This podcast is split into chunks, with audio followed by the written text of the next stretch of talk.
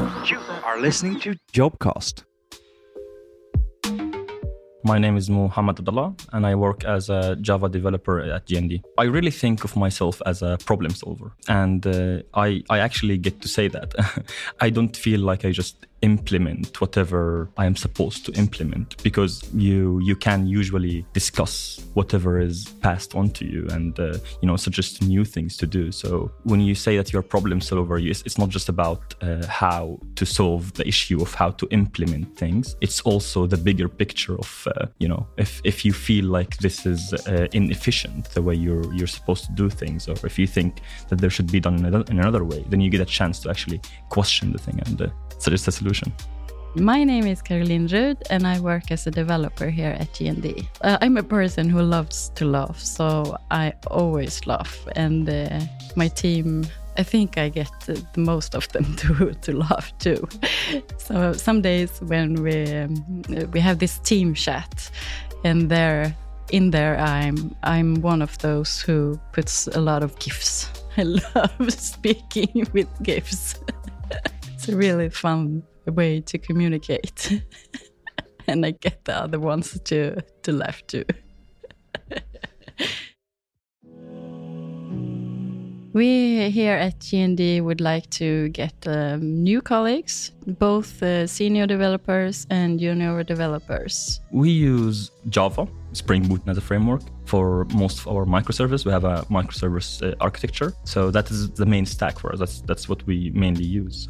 But we also work in uh, teams, so we are feature teams, and uh, usually all the developers in the team are responsible for both implementation and testing. So as a developer, you should be able to write Java code. Usually, you also write the, the unit tests, the component tests, of course, where you test the component in isolation from all the other microservices. But you also are responsible for writing uh, end-to-end tests for, for the features that the team is responsible for. And for that, we use uh, Katalon. Uh, some other uh, uh, tools that we use is we, of course, we use uh, Jenkins for automating our uh, builds. Um, we also we also use JMeter for our performance tests. and K6 for some of our performance tests. Other main tools that we use on a daily basis are Jira, Confluence, Bitbucket, Git for version control, and and so on. Just the usual.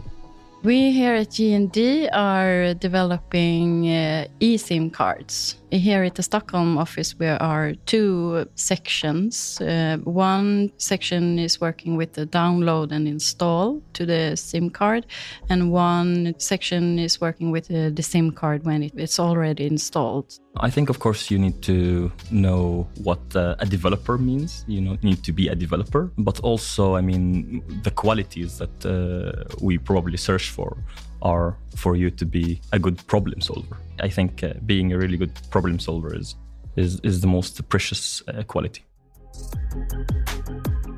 I think uh, here at G+D, the best thing really is that uh, the company listens, regardless if uh, if we have the latest uh, tech or, or not. Usually, if you come up with uh, any ideas to to use something new, or even for like the business requirements, if you think that something is unnecessary or something should be done in a different way, even if you're not like a TPO, if you're um, working as a developer, people listen. It has been my experience multiple times that I would suggest things to be done in another way, and many of these times uh, I got hurt and actually went through with that.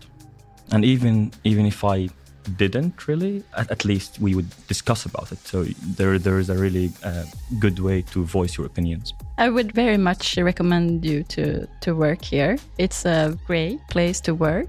It's fun. It's not very stressful, but it's a great job, great colleagues. So if you think you're a good developer, uh, you like to solve problems, and you want to be heard, and you like to have fun, then you're welcome at G+D.